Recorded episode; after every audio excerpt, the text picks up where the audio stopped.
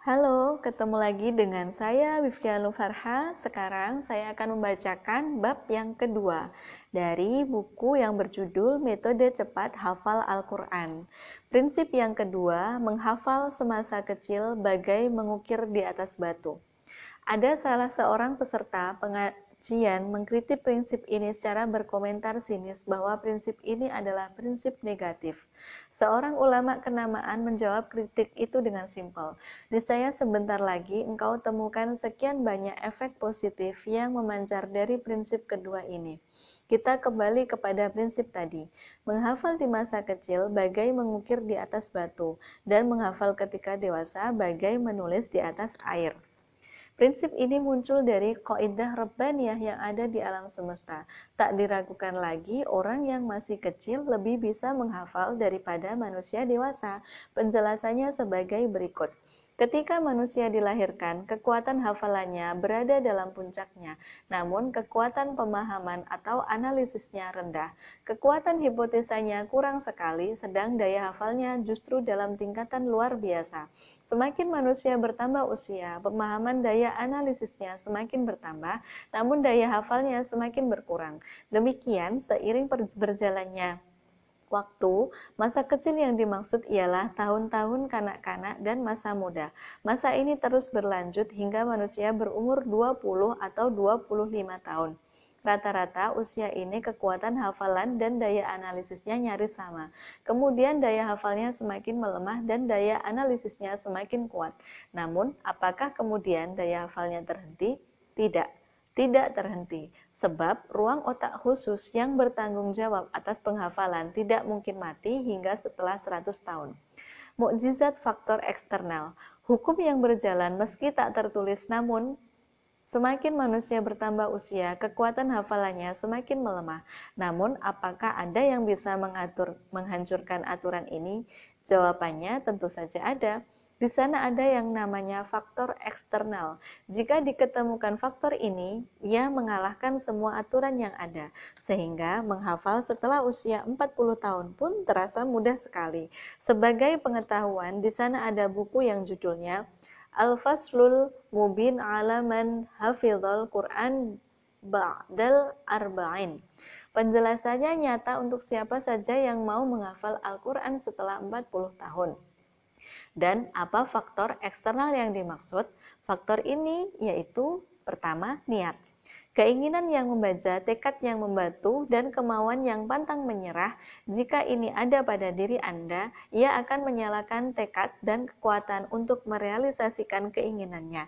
Saya bahkan mempunyai lebih dari 80 nama teman yang bisa menghafal Al-Quran setelah usia 40, 50, atau malah 70 tahun. Contoh yang pertama, jika Anda berdiri dengan kedua kaki selama beberapa jam misalnya, bukankah Anda merasa kelelahan? Baiklah, ambil saja misalnya Anda berdiri selama 4 atau 5 jam. Bukankah Anda tidak mampu? Begini saja. Jika saya katakan Anda harus berdiri selama 8 jam berturut-turut, bukankah ini suatu hal yang mustahil? Namun, apa yang mendorong seorang penyanyi bisa berdiri di atas panggung selama 14 jam non-stop sambil menyanyi? Pendorongnya adalah agar ia masuk dalam ensiklopedia manusia unggulan di dunia. Inilah faktor eksternal. Contoh kasus yang kedua. Ada perlombaan makan es batu yang kerasnya di luar batas kewajaran. Anda akan diberi hadiah dengan syarat Anda bisa memecahkan dengan gigi. Ternyata tak seorang pun sanggup. Hingga ketika itu ada yang naik ke atas panggung. Ketika nilai angka hadiah yang ditawarkan uh, adalah 500 dolar atau setara 50 juta. Saya akan melakukannya, katanya. Itu kulakukan dan kuanggap hanya makan roti biasa. Inilah faktor eksternal. Kemudian kasus yang ketiga, seorang ulama bertanya pada hadirin, jika saya menawarkan kepada salah seorang di antara kalian agar berdiri 5 jam, setelah itu kuberi hadiah 10 ribu dolar, 100 juta, dengan syarat ia melakukan berdiri tambahan selama satu jam, apakah ada yang bisa melakukan? Bahkan kami ingin berdiri dua jam, jawab para hadirin.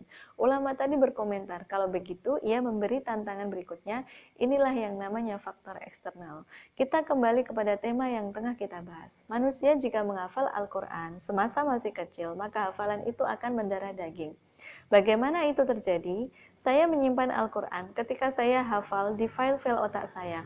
Ketika saya dewasa, maka file otak saya juga membesar, dan ia masih menyimpan hafalan Al-Quran sehingga tetap mengabadi. Pertanyaan penting di sini, kapan anak idealnya dibacakan tilawah Al-Quran? Jika ibu bisa memutar kaset atau CD secara rutin ketika janin masih di perut di bulan terakhir, lakukanlah juga ketika anak sudah lahir perdengarkan Al-Quran kepadanya secara rutin, pastikan anakmu melihatmu membacakan Al-Quran. Engkau ingatkan Allah Ta'ala, niscaya engkau dapatkan hasil yang baik, insya Allah. Namun ibu jangan sampai memaksa. Uh, ini cerita untuk uh, kasus yang memaksa. Saya mempunyai permen yang enak sekali. Di samping harganya mahal juga karena permen berkelas. Tiba-tiba aku datangi anak saya dari belakang dan secara mendadak kukatakan, buka mulutmu untuk kumasuki permen. Bayangkan, apa reaksi anak? Tentu anak akan memprotes dan menutup mulutnya, tidak menerima dan pasti melakukan perlawanan.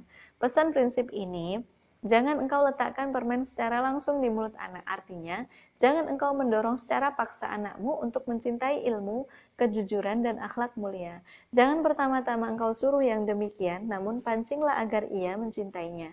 Tidak semestinya kebaikan ditanamkan dengan cara edo, ekspresif, doktrinal, dan otoriter. Jangan engkau letakkan permen secara langsung di mulutnya, namun letakkanlah di depannya. Tanamkanlah agar ia ketagihan. Tanamkanlah prinsip pengertian. Pentingnya menanamkan nilai-nilai kesadaran atau dengan cara pendekatan PAF, persuasif, akomodatif, familiar.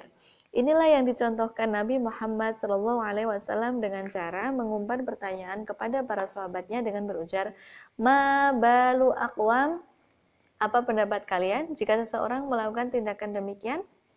Saya pernah melakukan kesalahan dalam hal ini. Saya punya kaset video dan niatku ingin memperdengarkan kepada anak. Ashim dalam mobil. Di jalan ke sekolah dan di mobil. Saya katakan padanya, tolong dengarkan kaset ini wahai Ashim. Justru yang terjadi, ia malah terus membaca papan reklame di pinggir jalan dan sibuk sendiri. Kukatakan lagi padanya, wahai Ashim, Aku akan mendengar kaset itu. Ia lagi-lagi mencoba sibuk sendiri dan sepertinya menyengaja. Padahal aku berkeinginan sekali jika kaset itu diperdengarkan. Setelah itu aku teriak dan aku katakan, Hai anakku, ini kaset Al-Quran, tolong dengarkanlah. Ternyata ia melahan sibuk sendiri dan rupanya sengaja seperti itu. Padahal niatku agar ia mendengar kaset. Setelah itu aku deraskan suaraku dan kukatakan lebih keras. Wahai Asim, ini kaset Al-Quran, perdengarkanlah. Asim kemudian menoleh atas cara memutarku kaset yang salah. Tadi saya mendengarkan bacaan Al-Quran, namun aku salah menjalankannya. Ia pun tak mau mendengar. Setelah sekian lama, aku bawa kaset lain dan aku tak bicara sepatah kata pun. Asim kemudian menanyakan mengapa aku diam. Jawab, perdengarkan Al-Quran, hai anakku. Asim berujar, ini kaset apa? Nanti kamu tahu sendiri jawabku. Kami pun terus mengendarai mobil. Asim bertanya lagi, Uh, Wah ayah, apakah kaset ini harus kuletakkan di DVD? Ku jawab, Gak usah kau letakkan, nanti kamu akan tahu sendiri. Aku terus mengantar Asim ke sekolah dan ia ketika itu terus membawa tempat kaset yang terbuka dan ia tiada henti memikirkannya. Maka, biarkanlah wadah kaset Anda terbuka di tangan anak dan berilah mereka kesempatan untuk berpikir. Pancinglah anak berpikir apa yang dilakukan Halimah Asyadiyah bersama Rasulullah. Jangan Anda sendiri yang menjelaskan. Biarkanlah mereka terus berpikir dan mencari jawabannya. Terapkan ini juga pada tahfidzul Quran, tinggalkanlah wadah CD atau kaset terbuka, dan berilah mereka kesempatan untuk berpikir. Yang jelas, pastikan CD atau kaset Anda terbuka. Kutemu Yasin setelah zuhur, yang ketika itu ia mengendarai mobil dan telah kubuka kasetnya.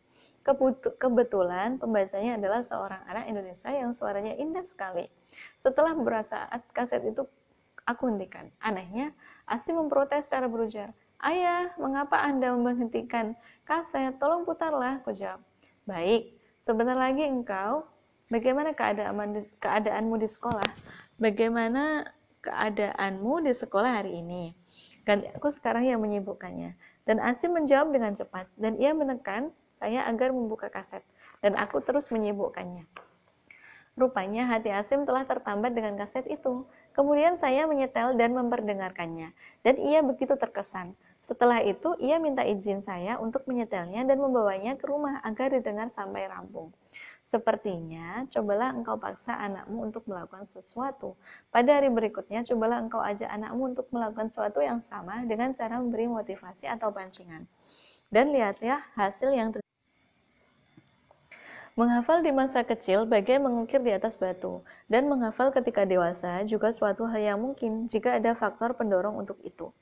Di Sudan saya pernah bicara dengan orang yang menghafal Al-Quran setelah usia 40 tahun. Kata mereka, di sini sekarang ada seorang syekh yang hafalannya kuat sekali. Bapak Makin namanya. Beliau buta, tak bisa baca tulis, maka kupanggil laki-laki itu dan ia memberi tantangan. Silahkan engkau bertanya ayat apa saja, bacalah ayat sesukamu, dan buatlah kesalahan sesuai seleramu, dan saya akan mengoreksi kesalahannya. Demi Allah, akhirnya saya lakukan. Saya berusaha membaca suatu ayat yang saya buat kesalahannya. Kuminta temanku duduk untuk mengumpan suatu ayat. Ia baca dan ia buat kesalahan. Laki-laki tua tersebut langsung menjelaskan kesalahannya dan hukumnya yang benar.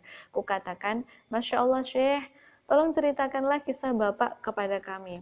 Katanya bercerita, engkau mencermati diriku dan engkau engkau orang Sudan biasa menyebut saya dengan istilah engkau, mengoreksi diriku sendiri. Wahai Bapak Makin, bagaimana jika kiamat tiba, sementara Bapak berlumpuran dosa, maka pergilah sana ke masjid dan duduklah bersama anak-anak mengaji.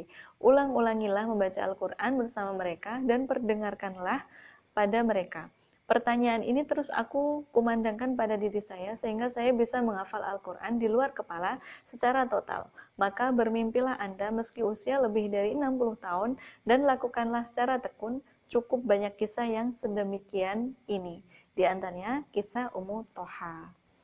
Ini adalah kisah uh, bab yang kedua. Saya sudah membacakannya. Semoga uh, suka dan sampai jumpa.